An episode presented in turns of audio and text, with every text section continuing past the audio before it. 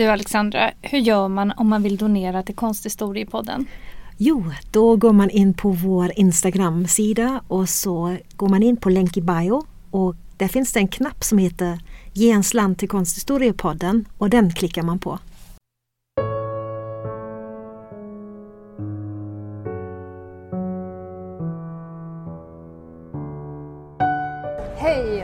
Välkomna till Konsthistoriepodden på resande fot. Jag heter Alexandra Frid. Och jag heter Alexandra Härligt. Och eh, vi sitter kanske på det mest otippade stället i världen. Vi sitter på en, en restaurang i Santa Fe som heter Cowgirls och eh, precis ätit lite middag och smält dagen. Vi har ja, haft mycket för oss idag. Vi började dagen med att titta på tittade på den lokala konsten och hantverket som finns här i Santa Fe. Santa Fe är väldigt litet ehm, kan vi börja med att säga. Man tror, i och med att det är en sån känd stad så tror man att det ska vara mycket större men det är verkligen en väldigt pytteliten stad och det mesta är centrerat kring The Plaza eh, där det finns olika aktiviteter, restauranger, affärer och så vidare. Och där ligger också ja, några av de viktigaste museerna i Santa Fe och kanske i New Mexico. Och det finns ganska många museer och gallerier på ganska lite Litet utrymme. Ja. ja. Det som man kan säga först när man kommer från Los Angeles till Santa Fe det är ju att det är, allt är så väldigt litet och det är så väldigt lugnt. Det känns inte så här nu men det är verkligen en väldigt stillsam äh, liten stad och äh, framför allt äh, med ett väldigt, vad ska man säga, lågt tempo. Det är väldigt, allting verkar väldigt, alltså allt går mycket långsammare. Allting går sin gilla gång. Ja. Människor kommer, människor går, de tittar runt på de här gallerierna och, och de här. Det är väldigt mycket silversmider man säljer här som, som uh, ursprungsbefolkningen säljer i, i olika affärer.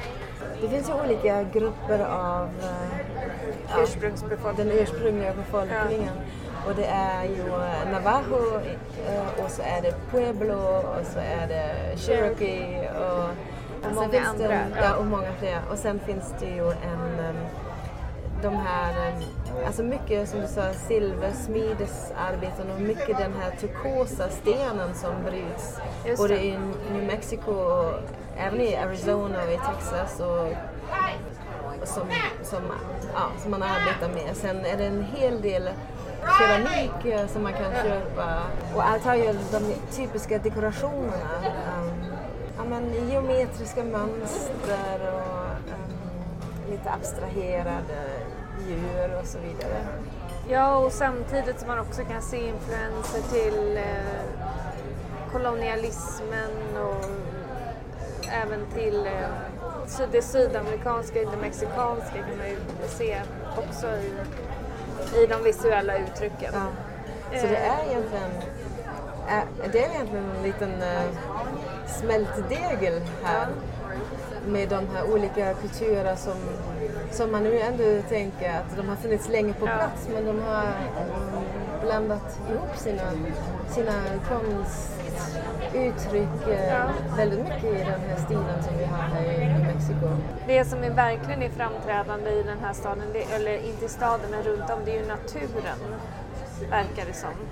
Ja, för det första så är vi ju här på en väldigt hög plats. Just det. Uh, ja, jag minns inte hur högt det är nu, men vi är väldigt högt uppe i alla fall. Uh. Uppe på en platå. Ja, precis. Och så finns det ju också lite, alltså det finns ju berg där man kan åka skidor, inte ja. just nu men på vintern, kan på vintern ja. blir det väldigt kallt ja. här på nätterna i alla fall. Och det blir tydligen jättemånga varma källor här i, i New Mexico också. Det, tydligen så är det eh, en av de mest täta, ort, alltså täta områdena för varma källor i USA. Och sen är det ju otroligt många um, museer som vi sa och gallerier och det är faktiskt eh, så här häpnadsväckande. Och, um, idag pratade vi med museichefen på Georgia O'Keefe Museum som uh, faktiskt har skrivit uh, sin avhandling om detta fenomen. För det har varit ganska tidigt, redan i början på 1900-talet, då det har funnits um, vissa mecenater som har liksom kommit ut till, till New Mexico från ja, New York och Kalifornien och så vidare och liksom tagit hit konstnärer. Så den här orten har varit som en, ja, en konstnärskoloni. Ja, man kan nästan säga att det har varit en konstnärskoloni i drygt hundra år och det är ju ganska gammalt för att vara i USA. Mm. Och vi pratade om tidigare hur det måste ha känts att kommit hit ja. när det inte ens fanns i princip etablerade vägar. Man eh, befann sig i, i det här landskapet som är otroligt vackert men eh, som sagt det måste ha varit väldigt annorlunda från att ha kommit från en större stad. Ja som sagt så pratade vi med eh, museichefen på Georgia O'Keefe museum och han nämner ju då att när Georgia O'Keefe uh, eh, kommer hit 1929 för första gången så finns det alltså redan många konstnärer och det finns, uh, uh, ja, men det finns en, ett, en miljö att ansluta sig till. Men hon blir ganska snabbt en person att räkna med i, i det här området eller i i Santa Fe, så som vi förstår det. Ja. Och nu så kommer ni få lyssna på en del av intervjun som vi gjorde med eh, Cody Hartley om eh, Georgia O'Keeffe och hennes konstnärskap och han berättar lite om, um, om museet som han är chef för och hur det fungerar och så vidare. Sure. I grew up with family that had spent a lot of time in New Mexico. So I heard many stories about this place as a kid. I visited for the first time in the early 90s and was fascinated by the cultural richness of the region, the, the natural beauty. I continued to visit for many years. I eventually ended up writing my, my master's and, and dissertation uh, on topics related to New Mexico and Santa Fe, and then thought I had New Mexico out of my system was living and working on the East Coast, and a uh, the museum, the O'Keeffe Museum, called and invited me to apply for a position here. And I took the leap and have never regretted it. Uh, it's been an amazing career um, here at the O'Keeffe Museum. I've been here 10 years now, uh, and it's a, kind of a magical, wonderful place to work and live. So, what's it like being a director of such a, an important institution? It's really an honor. Uh, it is both a, an opportunity and an obligation to uh, do right by the legacy of George O'Keeffe to ensure that we are continuing to preserve and share our collections, her homes, but also to really support storytelling so that audiences across the globe have access to this remarkable example, uh, a life of creativity, of courage, of, of independence and self determination and doing that in ways that make her life and her example relevant to contemporary experiences. Uh, on a day-to-day basis, you know, there's a heavy kind of administrative load in terms of keeping the organization um, running, uh, fundraising for, for, projects and to support our educational programs and so forth.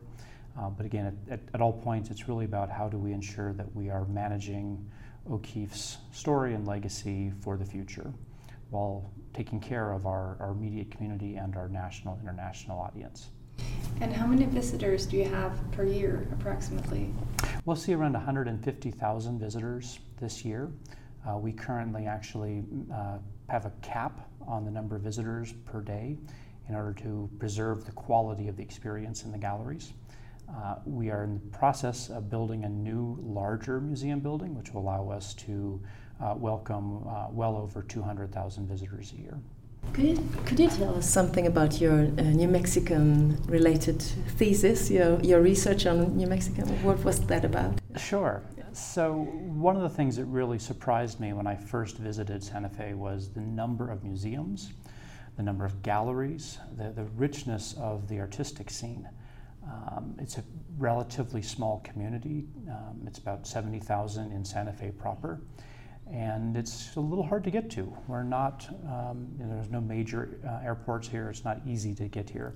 And I was surprised to see just such an incredible, uh, again, richness of, of, cultural resources. And I wanted to understand how that came to happen. Yeah. So uh, I started learning more about New Mexico's history. I, I looked at both the, the, Spanish colonial history of New Mexico, tried to understand the indigenous presence and history of New Mexico uh, through my master's thesis. And then in the dissertation, I really looked at the creation of the museum system. So you, Santa Fe in New Mexico is unique in having a very robust state-funded, state-supported museum system that includes our Fine Arts Museum, um, our Folk Art Museum, the Museum of Indian Art and Culture, uh, as well as sites throughout the rest of the state. I wanted to know how that happened.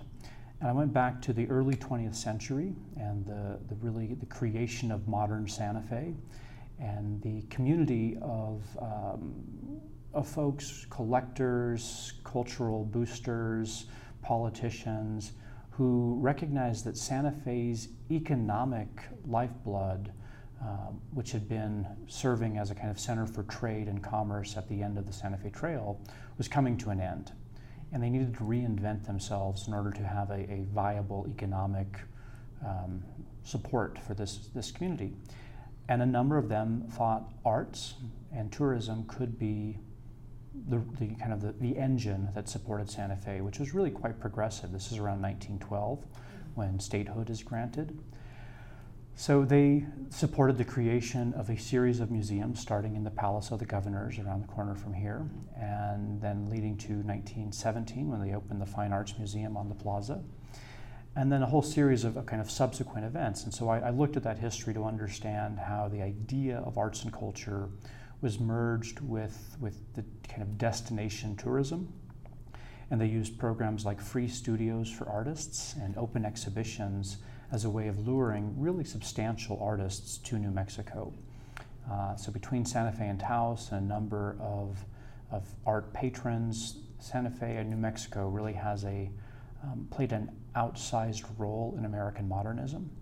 Uh, through the teens, 20s, 30s, even before George O'Keeffe arrived, uh, almost every artist you can think of working in America found their way to Santa Fe at one point or another. Some for a week, some stayed. Uh, folks like Robert Henri, John Sloan, who were part of the Ashcan School in New York, arrived here.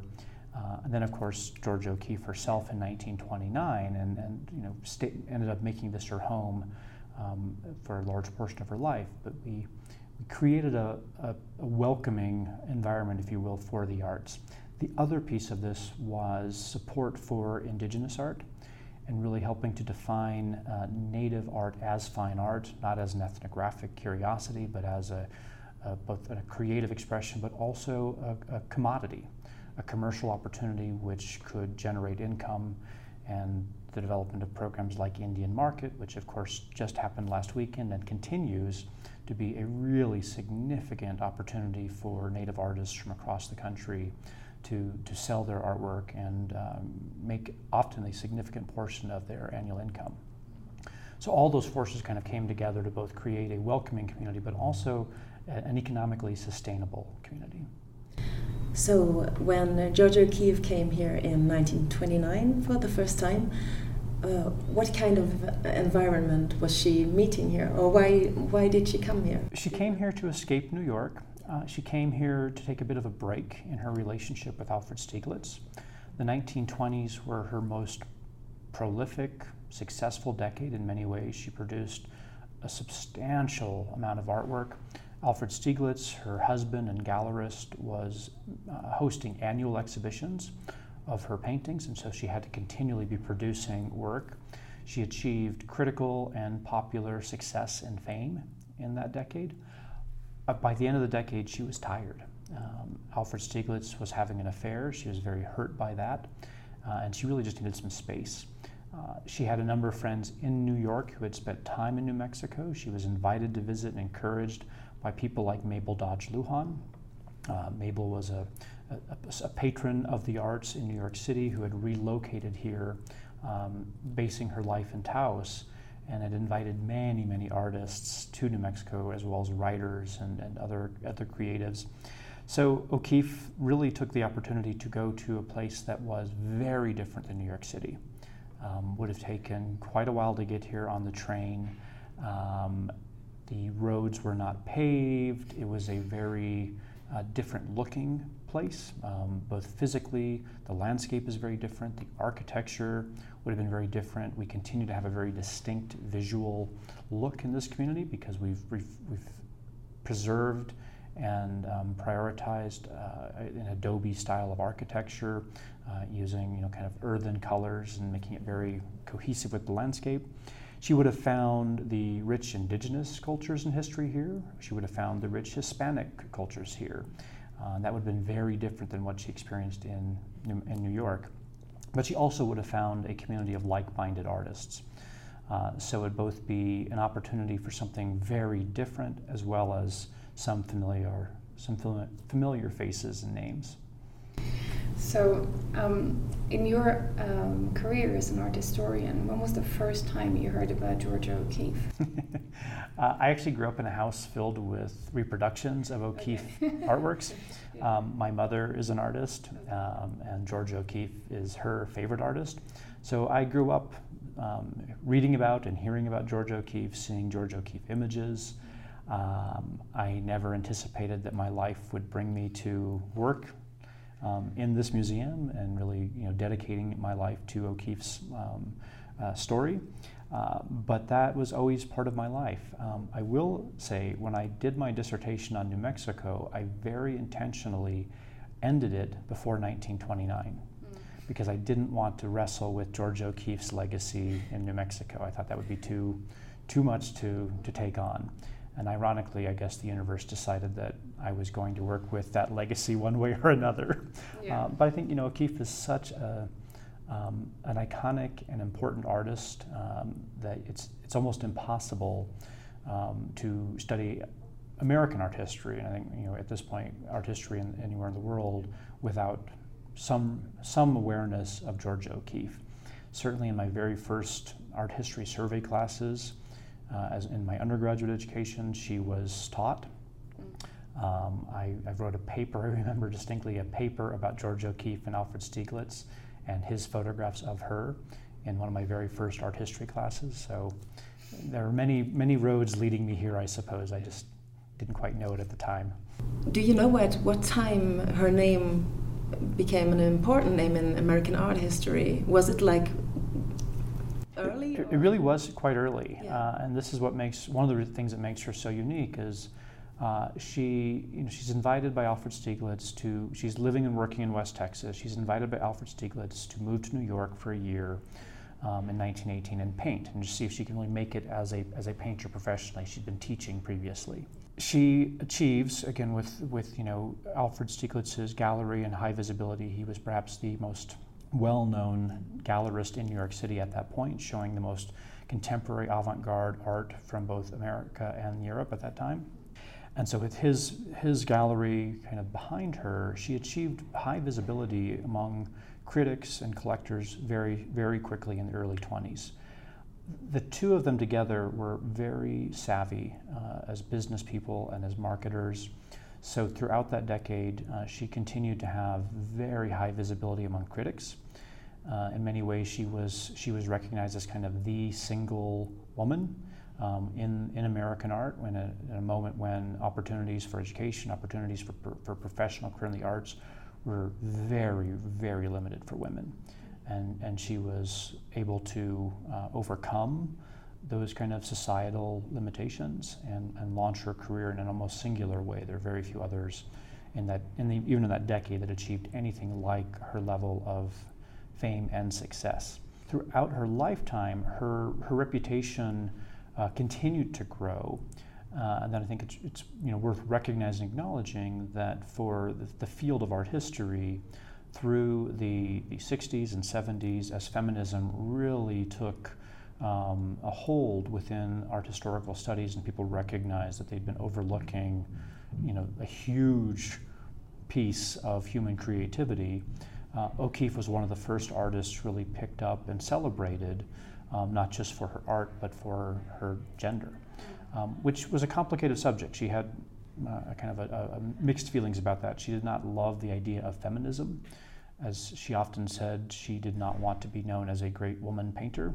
She wanted to be known as a great painter, period, and not have her gender identifying At the same time, um, as someone like Judy Chicago pointed out, um, O'Keeffe might not have needed feminism to succeed. She succeeded kind of independently.